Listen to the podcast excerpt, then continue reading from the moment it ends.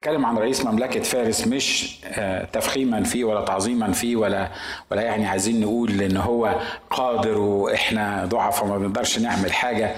لكن زي ما اتفقنا مرات كتيرة إنه الكتاب قال إن العدو تم خرابه إلى الأبد. بص اللي جنبك قول له العدو تم خرابه إلى الأبد ها؟ إبليس اتهزم مرة واحدة في الصليب مش هيتهزم تاني. يسوع لما اشترى لينا الانتصار على إبليس اشتراه مرة واحدة وقال دفع إلي كل سلطان. وعطانا السلطان أن ندوس الحياة والعقارب وكل قوات العدو. وده مش متوقف على حالتي وحالتك ده مش متوقف على أنا مين ولا أنت مين ده متوقف على حاجة واحدة بس إن الروح القدس يعيش فيا وفيك فيبقى لك هذا السلطان وهذا السلطان لما لما تاخده ما يتزعش منك إلى الأبد. لأن عطايا الرب وهباته هي بلا ندامة. وقلنا اللي إحنا عايزين نفهمه انه الحرب الروحية إحنا في حرب روحية لأن الكتاب بيقول إن محارباتنا ليست مع لحم ودم مع رؤساء ومع سلاطين ومع شياطين ومع قوات شر روحية في السماويات. ودي حقائق سواء انت قابلتها ما قابلتهاش عرفتها ما عرفتهاش مش مهم. دي حقائق روحية إلهية كتابية دونها لينا علشان ما نبقاش زي غيرنا. نخاف من إبليس ولا ولا حاسين إن هو أقوى مننا ولا هو اللي متسلط في مملكة الناس. وده ما تلاقوهوش في أي دين تاني خالص على الأرض. إلا في الحياة الحقيقية المسيحية اللي أعلن الله لينا فيها الإعلانات دي وصدقوني يا إخوة واخوات لما نروح السماء هنبتدي نكتشف ونفهم الإعلانات دي لأن الإعلانات دي أكبر من دماغنا وأكبر من إن إحنا نحيط بيها ونعرف حقيقي إيه اللي بيحصل في عالم الروح. إحنا في عالم روحي إحنا ما نقدرش نهرب من الحقيقة دي سواء قبلناها أو ما قبلناهاش سواء فهمناها أو ما فهمناهاش.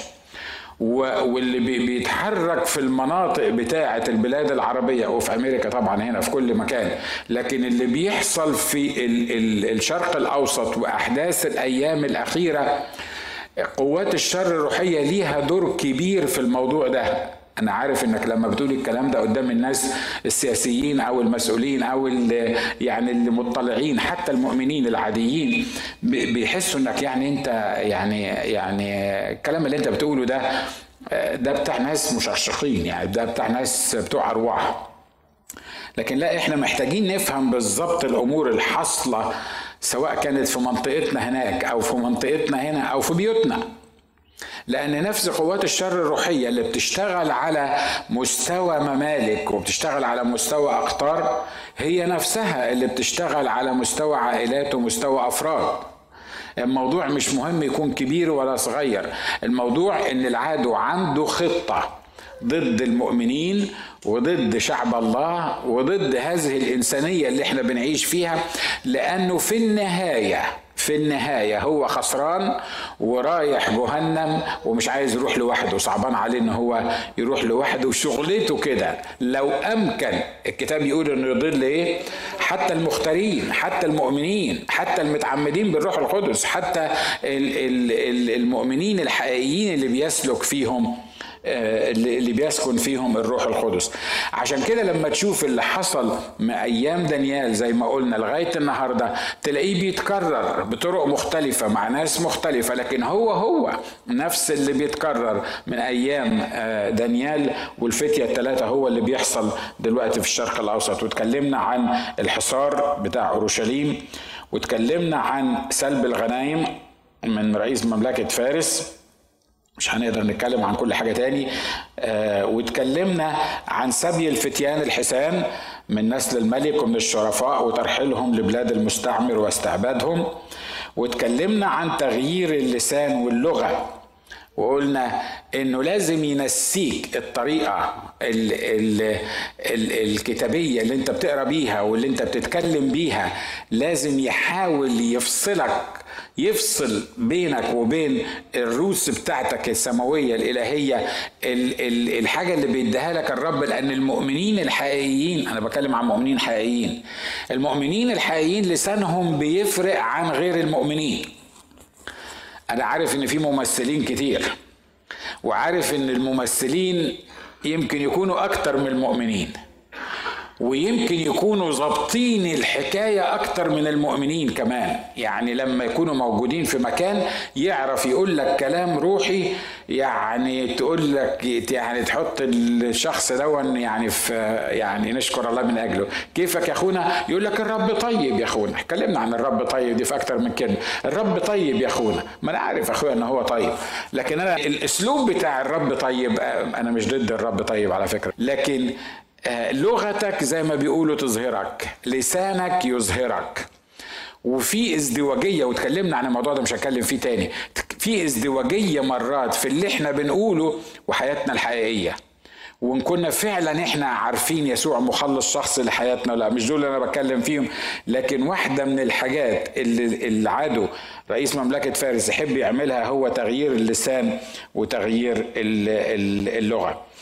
حاجة تاني بيحاول إن هو يقدم لك من قطايب الملك وخمر مشروبه. يعني إبليس بيحاول حاجات كتيرة بيحاول بطرق كتيرة بيحاول بإغراءات كتيرة. مرات يبقى كأسد زائر ومرات يجي زي الحية. ومرات يجي في أكل وشرب وقطايب ملك وخمر مشروبه الفتية دول كانوا مسبيين. دانيال كان مسبي والفتية دول مسبيين. الملك عايز إن هو يعمل منهم شرفاء مملكته. وهم جايين من عائلات محترمة باي ذا في إسرائيل لأنه ما كانوش بينقوا أي حد كانوا بينقوا ناس معينين. علشان يعمل كده ويوقفهم قدامه يغير ألسنتهم يعلمهم اللغة الكلدانية وفي الوقت نفسه يعمل إيه؟ يأكلهم لمدة ثلاث سنين من قطايب الملك وخمر مشروبه.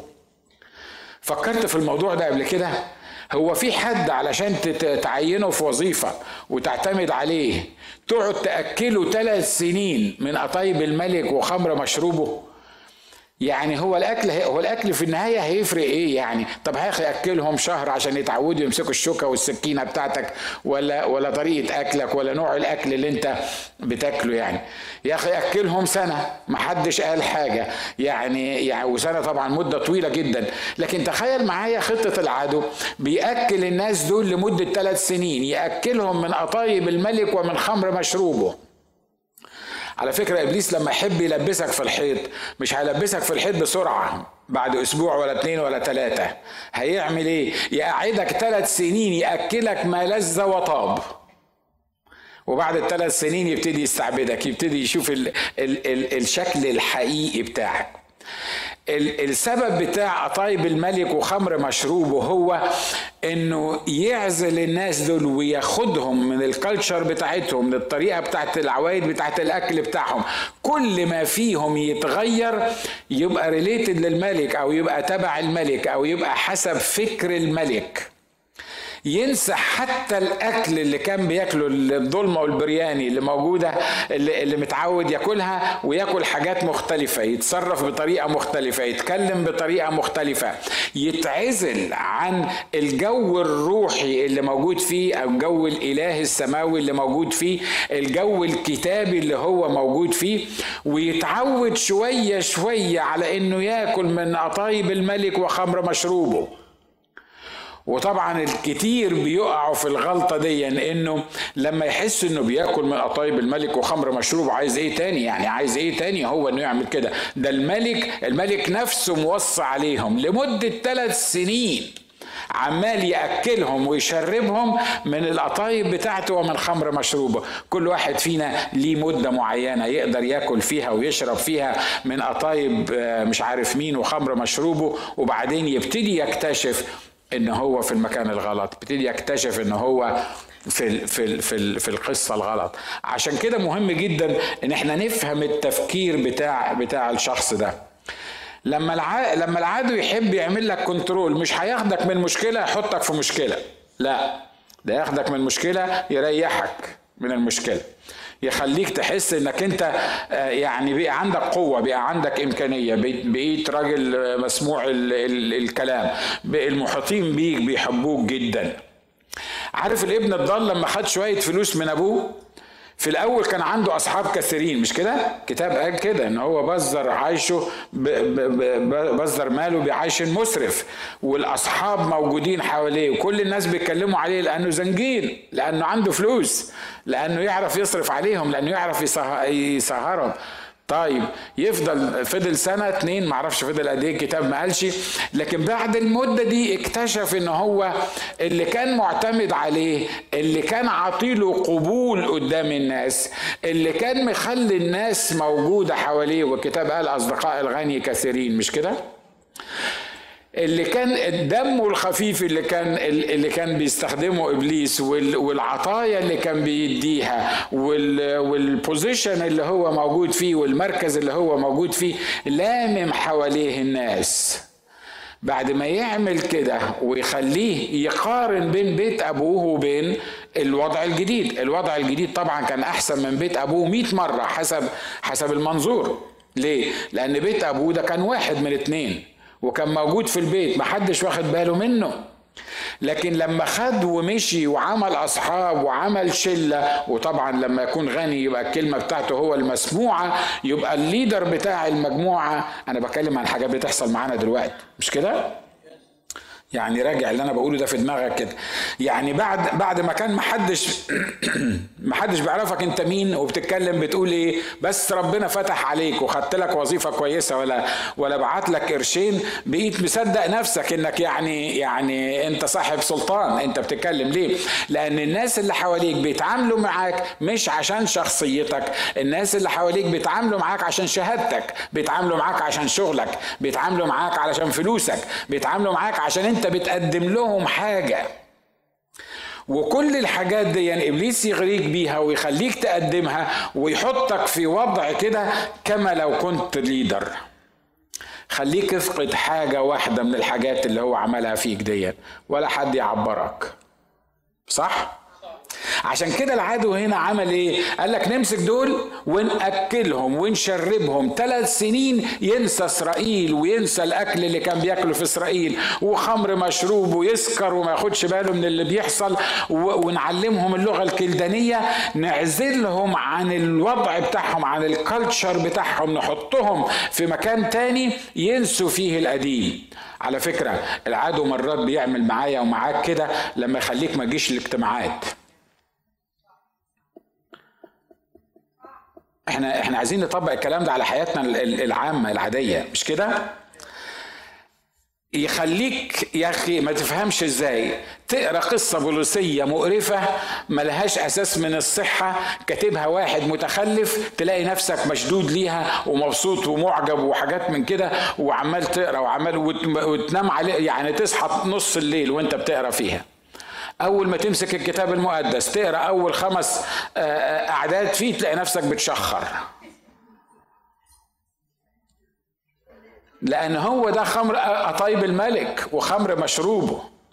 تقعد قدام فيلم هابط في الآخر خالص لما تسأل نفسك هو هو هو هو الفيلم ده كان عايز يقول إيه؟ والراجل اللي عمل الفيلم ده كان كان قصده إيه بالظبط من القصة دي فيلم هابط ما تفهمش منه حاجة في أي حاجة وتلاقي نفسك الساعتين جريوا وأنت قاعد ولا الثلاث ساعات وما حسيتش بنفسك وأنت قاعد قدام التلفزيون في فيلم هابط. شوف حاجة روحية ولا أسمع وعظ يقول لك يوه ما سمعنا ناجي ده خمسين مرة. هو هي دي الحقيقة. هي دي الحقيقة اللي إحنا عايشينها. هو ده اللي بيعمله معانا إبليس.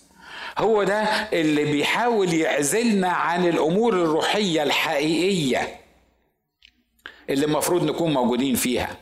عشان كده قعد ثلاث سنين ثلاث سنين بيأكلهم من قطايب الملك وخمر مشروب. يا ترى بالك كم سنة بتاكل من قطايب الملك وخمر مشروب؟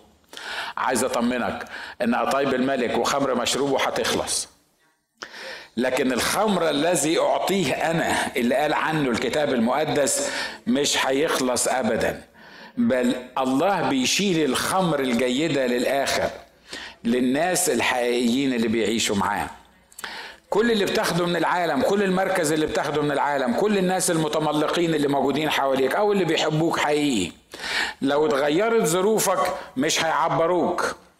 لكن يسوع لو اتغيرت ظروفك ما اتغيرتش ظروفك لأنه هو ثابت فمحبته ليك ثابتة. عشان كده لازم نفهم إن الهنا اللي انت عايش فيه ده مش هيدوم.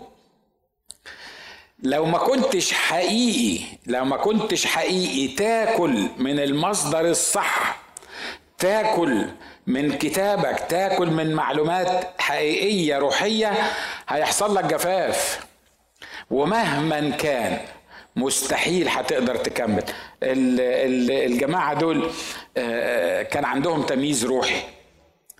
يعني يا أخوانا ناس يعني الملك عايز يأكلكم من القطايب بتاعته وخمر هو حد طايل؟ ده أنتوا المفروض تبوسوا ايده ورجله كمان. ده أنتوا مسبيين. ده أنتوا المفروض تاكلوا بصة عراقية كل يوم. مش تاكلوا من قطايب الملك وخمر مشروبه. ده أنتوا تطلعوا إيه أصلا في الموضوع؟ ده أنتوا المفروض يقولوا لرئيس الخصيان إحنا عندنا طلب. إيه؟ إحنا مش عايزين ناكل من قطايب الملك وخمر مشروبه. ليه؟ ليه؟ حد يرفض قطايب الملك وخمر مشروبه؟ آه أصل قطايب الملك وخمر مشروبه دي كلها نجاسة. دي دي دي فيها حاجات نجسة مش المفروض ناكلها. ده فيها مذبح للأوثان. ده فيها لحم مش مش مش مش مظبوط مش المفروض ناكله. أصل عندنا شريعة بتقول لنا ما ينفع ما ينفعش تاكلوا من الأكل ده. ده عيب الميكروفون ده. Anyway. فلأن عندنا الشريعة دي ما نقدرش ناكل منه. معلش كل يا عم واللي في القلب في القلب. ما هو انت لو ما اكلتش هتجيب لنفسك وجع الدماغ. يا عم الناس دي كلها بتدخن وإحنا قاعدين بنشد في البتاعة دي اسمها إيه؟ أيوه مذاكرين. آه. يعني ما تحبكوهاش قوي كمؤمنين يعني. خلاص يا سيدي الناس قاعدة بتشرب من حاجة معينة اشرب. بتاكل كل مفيش مشكلة في الموضوع. يعني مشي أمورك كده. أصل هيقول عليك متخلف. هيقولوا عليك متخلف. ليه؟ لما تيجي تقول لهم لا أصل ربنا قال ما تاكلش من الأكل ده. ربنا مين وبتاع مين؟ أنت مسبي. هو أنت أصلا في إسرائيل؟ يا عم كل يا عم ما كل الناس بتاكل ما كل الناس بتسرق ما كل الناس بتحشش. آه ما كل الناس بتشرب سجاير.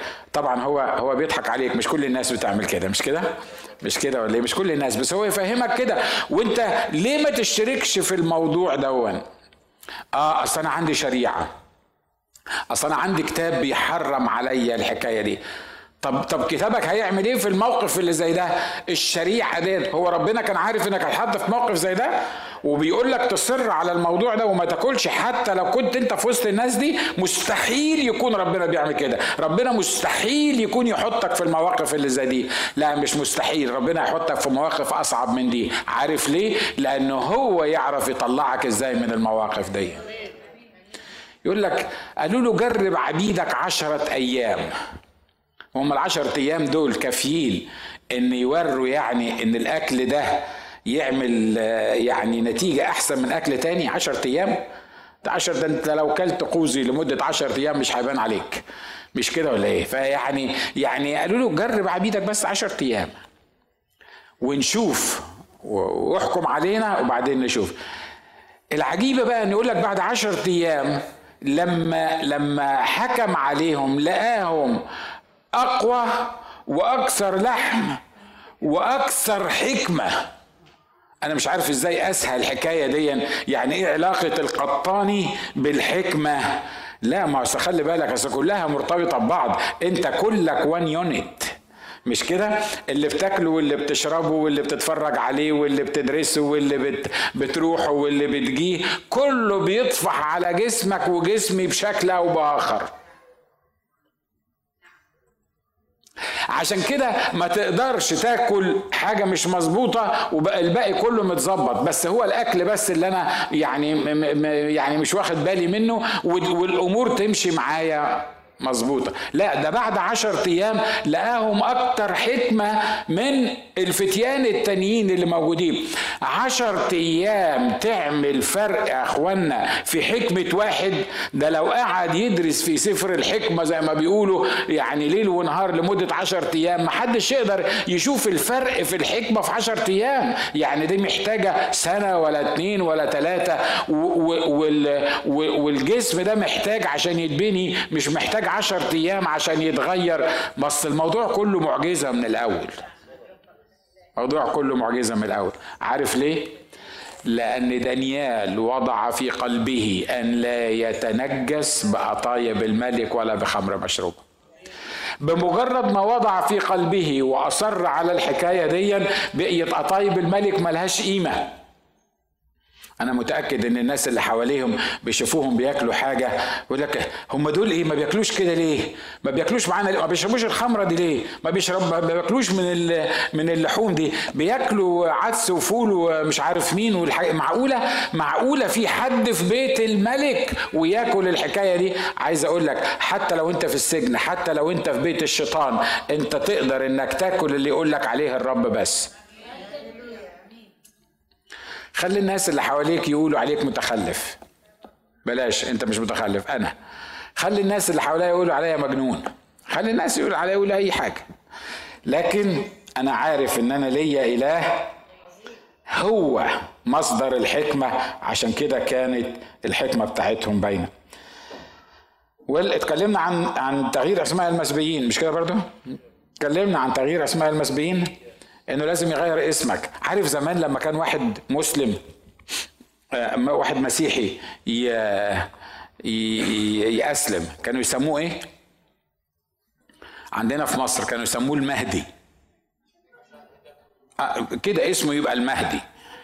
يعملوا له زفة وياخدوه في الشارع على على حصان ولا فرس ويمشوا بيه.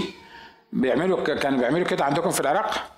آه متهيألي عشان صدام حسين كان راجل محترم أكتر من عندنا. اني anyway مش هو ده مش هو ده الموضوع.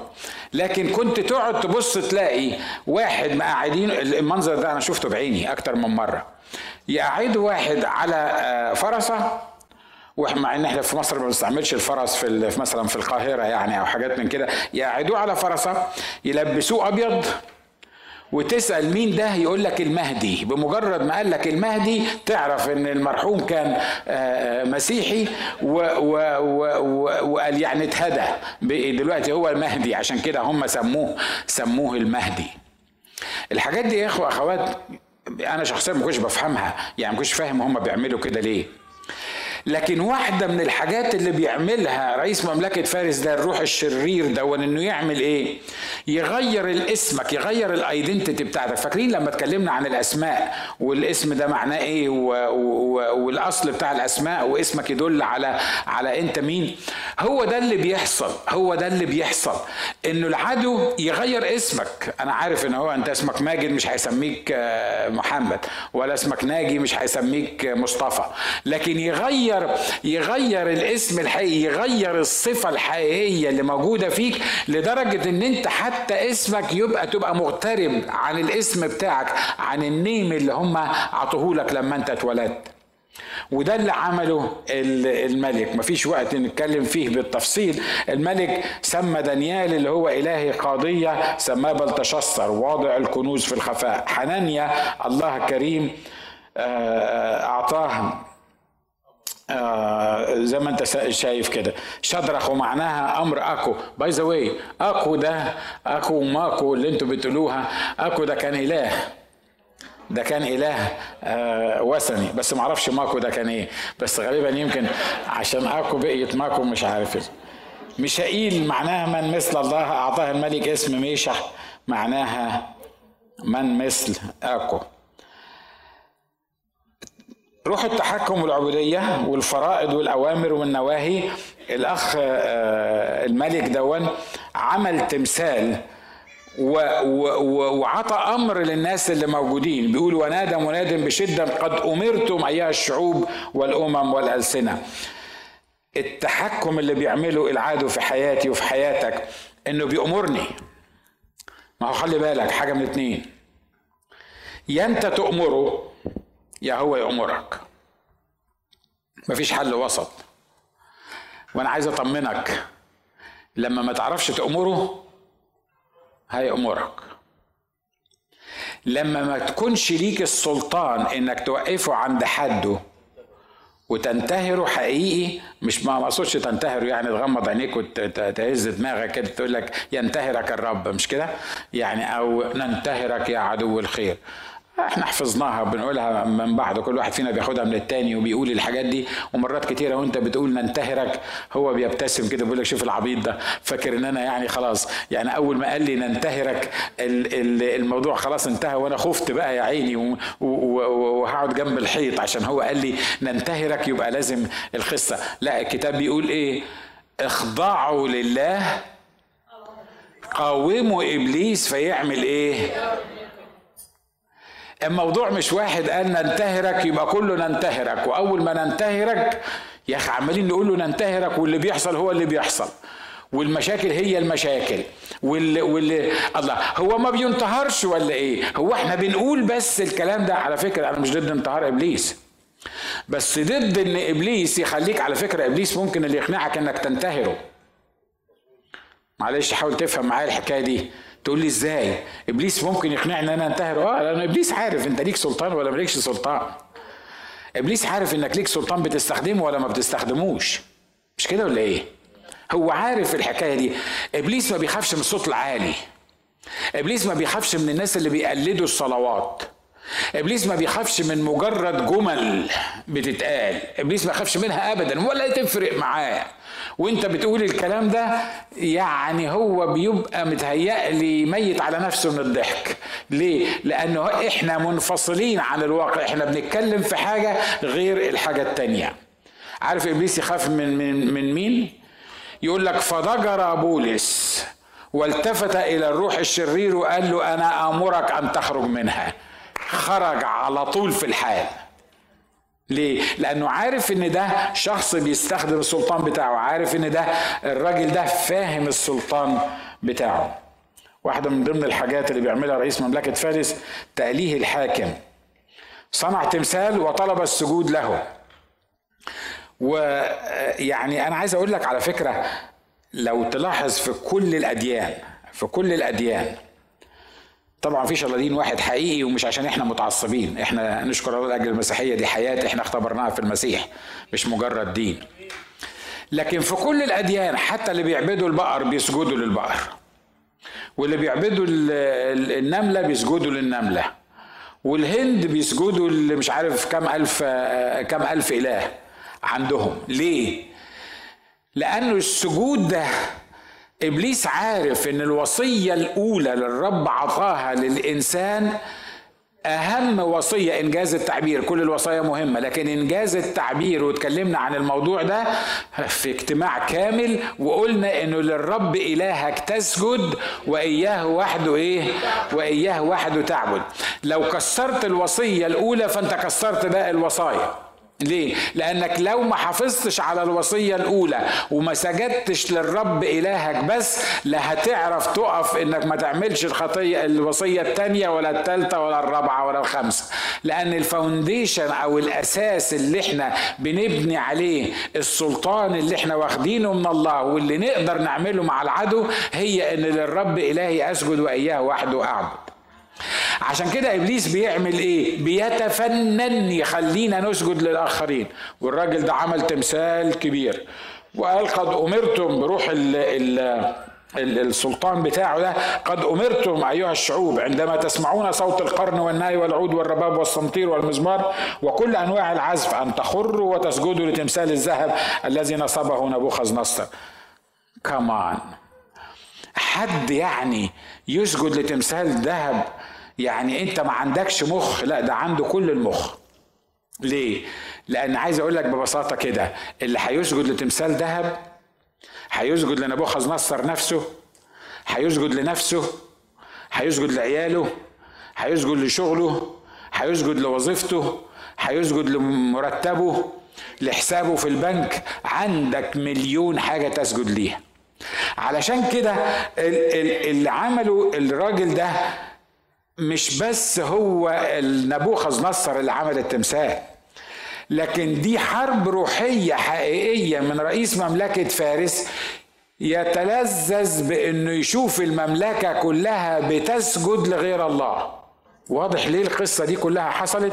تقول نبوخذ نصر ده كان راجل مجنون صحيح. يعمل تمثال إيه يعني ما يقول للناس تسجد ليه؟ طب وبعدين؟ اسجد يا سيدي اسجد وخلاص. كل الناس بتسجد اشمعنى انت مش هتسجد؟ بص اللي في القلب في القلب. يعني خلي اللي في قلبك في قلبك انك انت هو ربنا بس اللي تسجد ليه. بس يعني قدام الناس ويعني والقصة دي كلها أنصحك أنصحك يعني إنك تعمل إيه؟ اسجد عشان الأمور تمشي. مش هو ده اللي لسه بيقوله لنا لغاية النهارده؟ ها؟ مش هو ده اللي بيحاول يقنعنا بيه لغاية النهارده؟ لكن الناس دول كانوا فاهمين الآية اللي بتقول للرب إلهك تسجد وإياه وحده تعب. طب لو ما سجدتش هتترمي في أتون نار. وقال حتى لو اترميت في أتون نار في واحد اسمه الرابع الشبيه بابن إيه؟ الآلهة. آخر حاجة آه، في القصة دي كلها رئيس مملكة فارس يهمه حاجتين مهمين جدا إنه يقطع الاتصال بينك وبين الله. الاتصال ده عبارة عن جزئين. الجزء اللي من ناحيتي أنا بتصل بالله بالصلاة والجزء اللي من ناحية الله الله بيتصل بيا بالكلمة. صح؟ لأن الله ما بيصليليش هو بيسمع صلاتي لكن الله ما بيصليليش. فأنا علشان أتصل بالله أنا ما قداميش حاجة تاني أعملها غير إني أعمل إيه؟ أتكلم معاه. أصلي. يبقى في صلة بيني وبينه. أصلي له. هو علشان يتكلم معايا لازم يتكلم. كلمة الله هي الطريقة اللي هو بيتواصل بيها معايا. وباي ذا هو ما عندوش طرق كتيرة بيتواصل بيها مع الإنسان. هو بيتواصل مع الإنسان بحاجة واحدة بس وهي كلمة الله. الكلمة النبوية التي هي أثبت. أنا عارف إن في طرق ممكن يستخدمها في توصيل كلمة الله. ممكن يكلمك في حلم ممكن يكلمك في رؤية ممكن يكلمك في واحد زي واقف يوعظك ممكن يكلمك في في برنامج آه، تسمعه.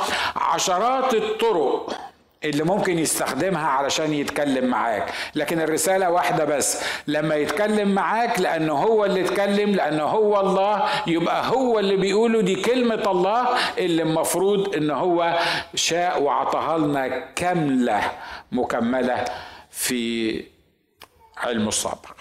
أهم حاجة بقى لإبليس يعمل إيه؟ يقطع التليفون ده الخط التليفوني ده بين الاتنين. لا يوصل صلاتك لله ودي ما يقدرش يعملها. ليه؟ لأنه لأنه بتتكلم الله سامع كل بشر. مش كده ولا إيه؟ الحاجة التانية يعمل إيه؟ يقطع كلمة الله عنك يستخدمك أنت في إنه يقطع توصيل كلمة الله عنك. العدو يقدر يعمل الحكاية دي؟ العدو يقدر يعمل الحكاية دي. الحقيقة ما فيش حد من اللاهوتيين عرف يفسر الحتة اللي أنا بكلمك فيها دي ولا أنا طبعا يعني. لحسن تفكر مفيش حد في اللاهوتيين آه أنت هتفسرها دلوقتي. لا إن إيه إن الله بعت رسالة لدانيال لما صام 21 يوم ورئيس مملكة فارس قال كده عنه كتاب وقف قبالتي يعني وقف ضدي. الكونكشن بيني وبين الله بيتقطع بالطريقة دي بيقول لك إن الله بعت رسالة مع ملاك والملاك جه لمدة 21 يوم رئيس مملكة فارس وقف قبالتي ومنع توصيل الرسالة. مش أنا بقول الكلام ده أنا الحقيقة أنا يعني مش قادر أفهمه إزاي. وما عنديش تفسير ليه وما تتعبش نفسك في إنك أنت تدور تفسير ليه لأن كل تفسير هنقوله هتلاقي يعني في يعني معقولة معقولة الشيطان يقف قدام الرسالة بتاعت آه، الله. ما يوصلهاش للناس هو مين الأقوى الله ولا الشيطان. المفروض إنه دي مش محتاجة سؤال يعني المفروض إن الله هو الأقوى ولما يقول إن الرسالة توصل لازم توصل. خلي بالك هي الرساله وصلت ولا ما وصلتش؟ يعني وصلت مش كده ولا إيه؟ يعني اللي وقف رئيس مملكة فارس دي اللي حاول يعطلها 21 يوم كل اللي قدر يعمله إنه يعمل إيه؟ يعطلها. طب إزاي بقى؟ إزاي يعني رسالة الله يبعتها لواحد في الأرض والشيطان يقدر يعطلها والراجل كان صايم وبيذل نفسه. في عشرات الإجابات للموضوع دوت. واحدة منها عشان نفهم إن في حاجة اسمها مملكة الشر الروحية في السماويات. الكلام ده كان ممكن ما يعلنش لينا إحنا في الكتاب المقدس مش كده ولا إيه؟ كان ممكن القصة تبقى بين رئيس مملكة فارس واللي وقفه واللي عطله مش عارف مين وإحنا في منتهى البساطة ما نعرفش القصة دي إحنا عرفناها منين؟ عرفناها لما الله قرر إن يحطها في الكلمة النبوية التي هي أثبت علشان يعرفنا اللي حصل وإحنا مش شايفينه عشان يعرفنا حكاية الحرب بين المملكة الشيطانية ومملكة الله على الأرض. وحاجة من ضمن الحاجات اللي بشكر الرب ليها آه، عشانها في الكتاب المقدس إنه ما بيخبيش خطايا حد. إنه ما عندوش أنبياء معصومين وناس تانيين يعني يذكر خطايتهم ولا؟ كل أنبياء الكتاب المقدس كل خطاياهم موجودة ومكتوبة في الكلمة النبوية. ما عندوش أسرار. الله لما بيحب يعمل حاجة في الأرض بيعرف أسراره لعبيده الأنبياء. مش أنا اللي بقول كده ده الكتاب المقدس بيقول كده. بيعرف الأسرار دي لعبيده الأنبياء. لما يحب يولع بلد كلها يقول هل أخفي عن إبراهيم ما أنا صانع. طب يعني يطلع مين إبراهيم ده؟ وأنا قال لا ده إبراهيم ده خليلي ده حبيبي ده واحد بنتكلم مع بعض. وعيب لما هو يبص ناحية سدوم وعمورة يلاقيها مولعة. وبعدين أنا ما قلتلوش على الحكاية دي. قد كده يا رب أنت بتحترم الإنسان. ده إلهنا اللي إحنا بنعبده. مش الإله اللي بيأمر الناس إنها تضل عشان يوديهم جهنم. ده الإله الحقيقي اللي إحنا بنعبده اللي بيحترمني وبيحترمك بيحترم مشاعري بيحترم شخصيتي بيحترم قراري بيحترم إرادتي بيتكلم معايا كما لو كنت يعني كما لو كنت مساوي ليه. تعال نتكلم مع إبراهيم. يا إبراهيم أنا هولع سدوم وعموره وهو عمال يقول له يعني لو فيها خمسين واحد ما تعفوش عنها يقول له اعفو عنها كما لو كان بيقول له عشان خاطرك لو فيها خمسين واحد هعفو عنها. طب خمسة وأربعين هعفو عنها طب أربعين هعفو عنها. عنها. 30 هعفو عنها لغاية ما ما وصل لعشرة ما لقاش عشرة. إبراهيم نفسه اتكسف. مش كده ولا إيه؟ ليه اتكتبت القصة دي عشان يعرفنا زي ما قلت إن في حرب في السماويات. إن مرات العدو ممكن يوقف استجابة الطلبة بتاعتك في عشرات الأسباب. في عشرات الأسباب ممكن توقف استجابة الطلبة بتاعتك لكن مرات العدو ممكن يوقف الطلبة بتاعتك والله يخرج من الآكل أكل ومن الجافي حلاوة. يعني إيه؟ يعني إيه؟ يعني عايز يقول لك أنا متسلط في مملكة الناس حتى لما العدو بيفكر إنه هيأخر استجابة الطلبة بتاعتك لو أنا ما سمحتلوش إن هو يعمل كده تفتكروا ربنا مش هو اللي سمح لرئيس مملكة فارس إنه يقف ضد الملاك دون ويقاومه متهيألي هو اللي سمح مش كده ولا إيه؟ بدليل إنه بعت له ملاك تاني قال له روح ساعد الملاك الصغير. ما تقعدش تفكر فيها لأن دي شوية لاهوت غميق يعني. انت مش محتاج انك تقعد تفكر فيه. لكن المحصلة النهائية هي إيه؟ الله أعلن إن في حرب روحية في السماويات. لأن الكتاب بيقول أن محارباتنا ليست مع لحم ودم مع الرؤساء ومع السلاطين ومع القوات. لو ما فهمتش الحقيقة دي مش هتفهم أي حاجة بتحصل معاك في حياتك. لو ما فهمتش الحقيقة دي مش هتعرف تعيش منتصر ابدا. لو ما فهمتش الحقيقة دي مش هيتحقق كل اللي في دماغك.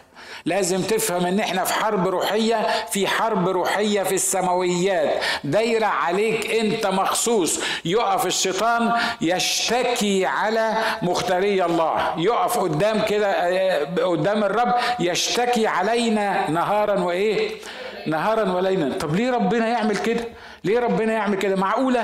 في السماء وهو واقف يشتكي على ناجي ويقول له ناجي عمل وناجي سوى ليه ربنا عطيله الفرصة دي هو عطيله الفرصة لأسباب كتيرة مش ده الموضوع بتاعنا لكن اللي يهمني في الموضوع إن حتى ده اللي واقف يشتكي عليا ما يقدرش يلمسني إن لم يكن قد أعطي من فوق. ودي الحقائق اللي إحنا عايزين نعيش فيها. تفتكروا إبليس ما كانش يقدر يدمر أيوب ده كله في ثانية واحدة؟ لكن يروح يقول له إيه؟ قول لي بس المسه ليه؟ وأنت مش قادر تلمسه ولا إيه؟ ما أقدرش. ما أقدرش ألمسه.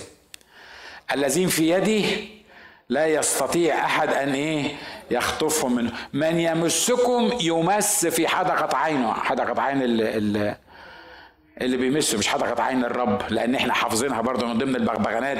يمسكم يمس حدقة عينه إحنا فاكرين إن اللي بيمسني بيمس حدقة عين الرب. لا الكتاب بيقول اللي بيمسكم يمس هو في حدقة عينه عشان كده لما تقرأ الكتاب اقرأه بطريقة مظبوطة. فاللي حصل إنه إنه إنه العدو يهمه إن هو يقطع الصلة يقطع الصلاة. فيعمل إيه؟ خلى الناس دول في منتهى البساطة بيقول لك دانيال ده إحنا عايزين ندور له على حاجة غلط. على فكرة في ناس في المحيط بتاعك بتحاول تطلع لك حاجة غلط. لما تعيش حقيقي للرب بيحاولوا يكتشفوا لك غلطة كده بيحاولوا يكتشفوا لك حاجة غلط عشان يمسكوها عليك. أنا مش بعقدك من الناس اللي حواليك لكن أنا بفهمك إن ده اللي بيحصل. ثم أن الوزراء والمرازبه كانوا يطلبون علة يجدونها على دانيال من جهة المملكة فلم يقدروا أن يجدوا علة ولا ذنبا لأنه كان امينا ولم يوجد فيه خطأ ولا ذنب. ناس واحد قاعد في أمان الله ما بيعمل لهمش مشاكل بيدوروا له على على علة على خطأ على ذنب. عايزين نلاقي له ذنب عايزين نلاقي له علة عايزين نلاقي له غلطة. عملها. ده أكيد مش ناجي ده. ليه؟ لأن لو عايزين يطلعوا له غلطة يمكن يلاقوا له 50 غلطة مثلا يمكن يلاقوا له 90 ذنب ما أعرفش. يعني آه، أنت بت بت بتفعفش ورايا ولا لأ؟ لكن anyway ما يعني ما أشكر الله إن أنا محمي في في في حماية دم الرب يسوع المسيح. بس خلي بالك من اللي إحنا بنقوله هنا. خلي بالك من اللي إحنا بنقوله. الناس دول بيدوروا ليه لدانيال على ذنب ولا علة؟ حسد. وغيرة ومش عارف مين دي كلها حاجات شيطانية مش كده ولا إيه؟ الحقيقة يا إخوة أخوات لأ. الناس دول ما لهمش ذنب. مش الناس اللي بيدوروا لدانيال على غلطة.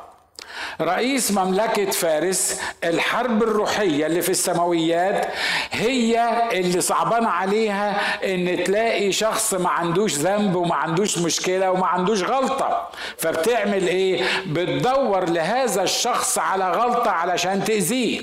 وبتستخدم مين؟ بتستخدم الأفواه اللي موجودة حواليه. واضح اللي أنا عايز أقوله؟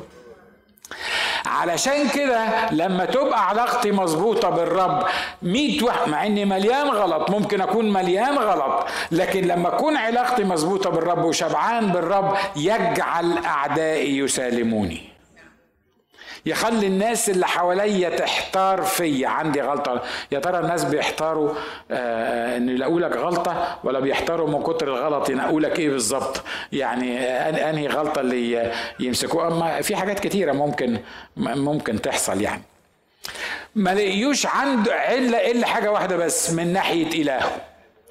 إيه من ناحية إلهه؟ بيصلي. فكر في الشرق الأوسط كده هم الناس زعلانين ليه من الناس اللي بت... المسيحيين اللي بيصلوا في الشرق الأوسط هو الصلاة في الشرق الأوسط حرام ليه؟ ليه, ليه بقي تعفر يعني متعفرتين من ال... من العملية دي؟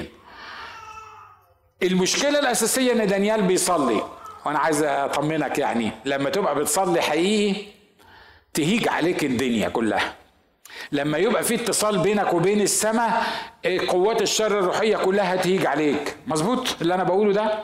ها؟ خليك مش متجدد.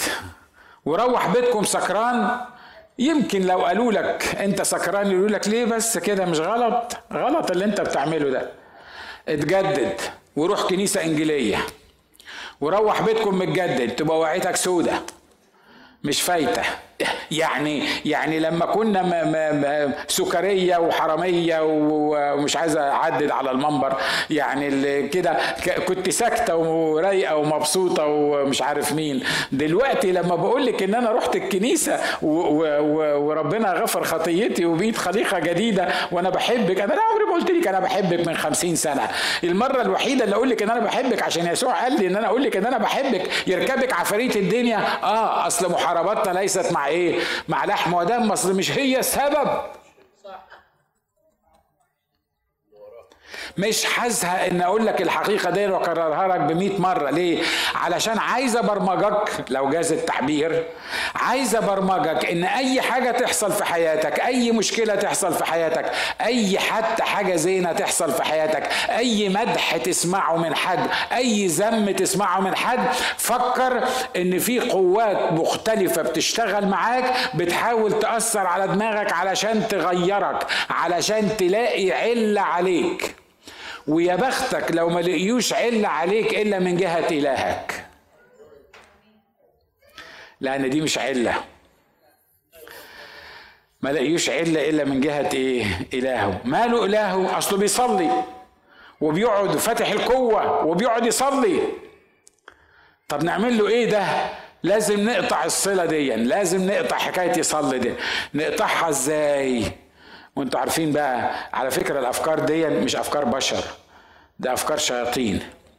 يروحوا للملك لهبل ده يقولوا له كده يقولوا له يا جلالة الملك إحنا قررنا إن إحنا نمضي ديكري نمضي المرسوم ده كل واحد يطلب طلب من غيرك لمدة شهر يعني خلاص يلقى في جب الأسود.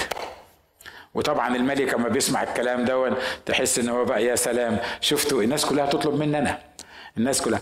عارفين الخطة الشيطانية هي إيه؟ إنه يحول نظري ونظرك بدل ما تطلب من الرب تطلب من أي حد تاني. إنك تتخيل إن معونتك عند أي حد تاني. تتخيل إن حل مشكلتك عند أي حد تاني. تتخيل إن المساعدة ممكن تجيلك من أي حد تاني. لو نجح إبليس يعمل معاك كده يبقى نجح ان نجح إن هو يقضي عليك يقطع الصلة بينك وبين اللي فوق.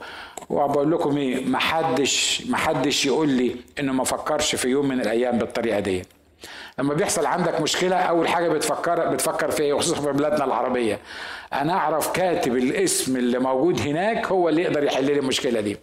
أنا أعرف واحد ضابط في البوليس يجيب لك الرخصة المسروقة اللي أنت عايزها تحت رجليك. أنا بتكلم عن حاجات بتحصل فعلا في مصر. أنا المشكلة اللي أنت موجود فيها دي أعرف لك دكتور هو ده الاختراع اللي يقدر يحل لك المشكلة اللي موجودة دي. البرمجة بتاعت دماغنا هي إن إحنا بندور على حد تاني يحل لنا مشاكلنا ويتصرف معانا ويقف معانا ويساعدنا. ولما بنعرف الناس دي بنحس إن هم دول الناس اللي يقدروا يتدخلوا في الموضوع. فهمت أصل الموضوع هو إيه؟ أصل الموضوع إن دانيال ده لازم يترمي في جب الأسود. ليه؟ أصل دانيال عارف قوات الشر الروحية. أنا هخلص وهكمل المرة الجاية. دانيال ده عارف قوات الشر الروحية. ليه؟ لأنه بيطلب من الله. طب وهو عرفكم أنتوا فين؟ لا ما أصل خلي بالك إن دانيال ده example ده ده واحد مشهور وواحد معروف وبيفتح الكوة كمان وبيصلي علني. عارفين في الشرق الأوسط إحنا في وقت يوم ما اسست اتحاد الشباب المسيحي كان عندنا مشكلة. اعمل اللي انت عايزه جوه الكنيسة. اعمل اجتماعات جوه الكنيسة. اعمل مؤتمر جوه الكنيسة. هات آه، حد يوعظ جوه الكنيسة. لكن تطلع بره الكنيسة تعمل حاجة بره أسوار الكنيسة تبقى تعديت حدودك. مش كده برضو كان في العراق؟ مش كده ولا إيه؟ ها؟ الكنيسة الإنجيلية فيها 400 واحد واحدة موجودين. روح خلي الأسيس يوعظك يقول اللي هو عايزه. بس تطلع بره أسوار الكنيسة الإنجيلية بتاعه بغداد تعمل أي حاجة بره القصة دي تعمل حفلة تعمل لقاء تعمل مش عارف مين يجوا ياخدوك أنت واللي جابوك يحطوك في السجن. ونشكر الله عندنا شهود على ذلك ونشكر الله نجوا ما, ما كانوش موجودين وفي ناس خدوا آه، أزواجها وفي ناس خدوا يعني الموضوع ده. الله هو إيه الموضوع؟ طب هو هو العدو يعني يعني يفرق معاه إن إحنا جوه الكنيسة ولا بره الكنيسة؟ زي بالظبط كده. المشكلة إن الراجل ده كان بيصلي والشباك مفتوح. تقفل الشباك. عايز تصلي؟ هو يستحسن ما تصليش بس لو هتصلي تقفل الشباك. طب ليه؟ ليه أقفل الشباك؟ عشان غيرك ما يشوفكش وأنت بتصلي. عشان غيرك ما يتعرفش على الإله اللي أنت بتصلي له. عشان غيرك يفهم إن مفيش واحد وراك يقدر يحل المشاكل. ولو ما عملتش كده هنعمل إيه؟ هنرميك في جب الأسود. مش هو ده اللي بيحصل معانا في الشرق الأوسط بالظبط؟ يبقى موجود. النهارده بتروح تلاقي آآ آآ واحد مسلم كده طلع قدام مبنى من المباني قال لك يا مسلمين الحقوا هيعملوا كنيسة في الحتة دي. يبقى لا كنيسة ولا بتاع. يعني يمكن يكون بيت مثلا في درس كتاب ولا اتنين تلاتة دخلوا فيه. هيعملوا كنيسة في الحتة دي. بمجرد ما يقول هيعملوا كنيسة في الحتة دي الدنيا خربت. صح؟ بنسمع كلنا على ده اللي إحنا عايشين فيه موجودين. ليه؟ إحنا مش عايزين الحكاية دي. إحنا مش عايزين حد يصلي علني. وأقول لكم الحقيقة إن نجح إبليس إن إحنا حتى في أشغالنا ما يبانش علينا إن إحنا مؤمنين مسيحيين. على المستوى الفردي. نجح إبليس إنه يخلينا حتى الصلة اللي بيننا وبين الله تبقى بيننا وبين نفسنا. مش واضحة. تقول لي ودانيال ده كان عنده حكمة يفتح الشباك ويصلي. لدرجة إنه يترمي في جب الأسود ده أكيد كان مخبل ده يعني ما, مش مظبوط ده. يا أخي تترمي في جب الأسود عشان الشباك مفتوح ولا الشباك مقفول؟ ما تخليك نبيه. اقفل يا سيدي الشباك خلي الشهر ده يعدي وبعدين افتح الشباك. خلي بالك هيرموك في جب الأسود. لو رموك في جب الأسود يبقى أنت السبب. ما ترجعش تلوم حد بعد كده. أصل الموضوع مش فتح الشباك ولا قفل الشباك. الموضوع إن أنا واثق إن ليا إله حتى لو حطوني في جب الأسود هيطلعني من جب الأسود. لازم نفهم الأمور بطريقة روحية. طريقة روحية. عايز أقول لك لو دانيال ابتدى بس يساوم ويقفل الشباك كان هيبطل صلاة. مش كده؟ لأن أول خطوة بتجيب تاني خطوة بتجيب تالت خطوة عن سؤال لكن دانيال حسب عادته زي ما بيقول الكتاب هو ما كانش يعني ما كانش عادته إن هو يصلي جوه ومن غير الشباك ما يبقى مفتوح. وأول ما قالوا كده لا إزاي يحصل الكلام ده؟ ده أنا هفتح الشباك وهقعد في الشباك وهصلي في الشباك وأشوف هيقدروا يعملوا إيه. لا هيرموه في جب الأسود وكان الأسود هياكلوه. لو عمل كده. واضح اللي أنا عايز أقوله مش كده؟ لكن العادة اللي كانت عند دانيال إنه يصلي ثلاث مرات في اليوم والشباك مفتوح. والناس رايحة جاية شايفة واحد قاعد في الكوة ناحية أورشليم رافع إيديه للسماء معرفش كان قاعد بيعمل يعني شكله إيه لكن الناس شايفاه قاعد بيصلي. يا ترى الناس بتشوفني وبتشوفك وأنت بتصلي؟ ما أقصدش إن يعني إنك تعمل لي شو وأنت بتصلي لكن الناس عارفة إن أنت بتصلي وعارفة إن أنا بصلي. ولا الناس بس ما بتشوفش مني غير المشاكل ما بتشوفش مني غير الكلام اللي عامل زي السيف. ما بتشوفش مني غير تبويظ العلاقات. ما بتشوفش حاجة. بس أنا بصلي صدقني. أنا بصلي. أنت أنت ما بتشوفش إلا الحكاية دي. عايز أطمنك. لو كنت بتصلي والقوة بتاعتك مقفولة لما تتفتح القوة هشوفك أنت بتصلي.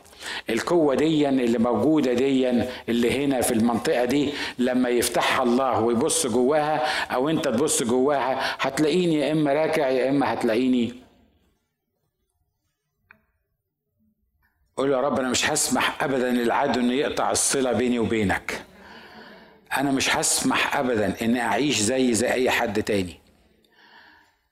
وإن وقفوا قدامك وخدوك لجب الأسود ونشكر الله إن هم خدوا دانيال لجب الأسود.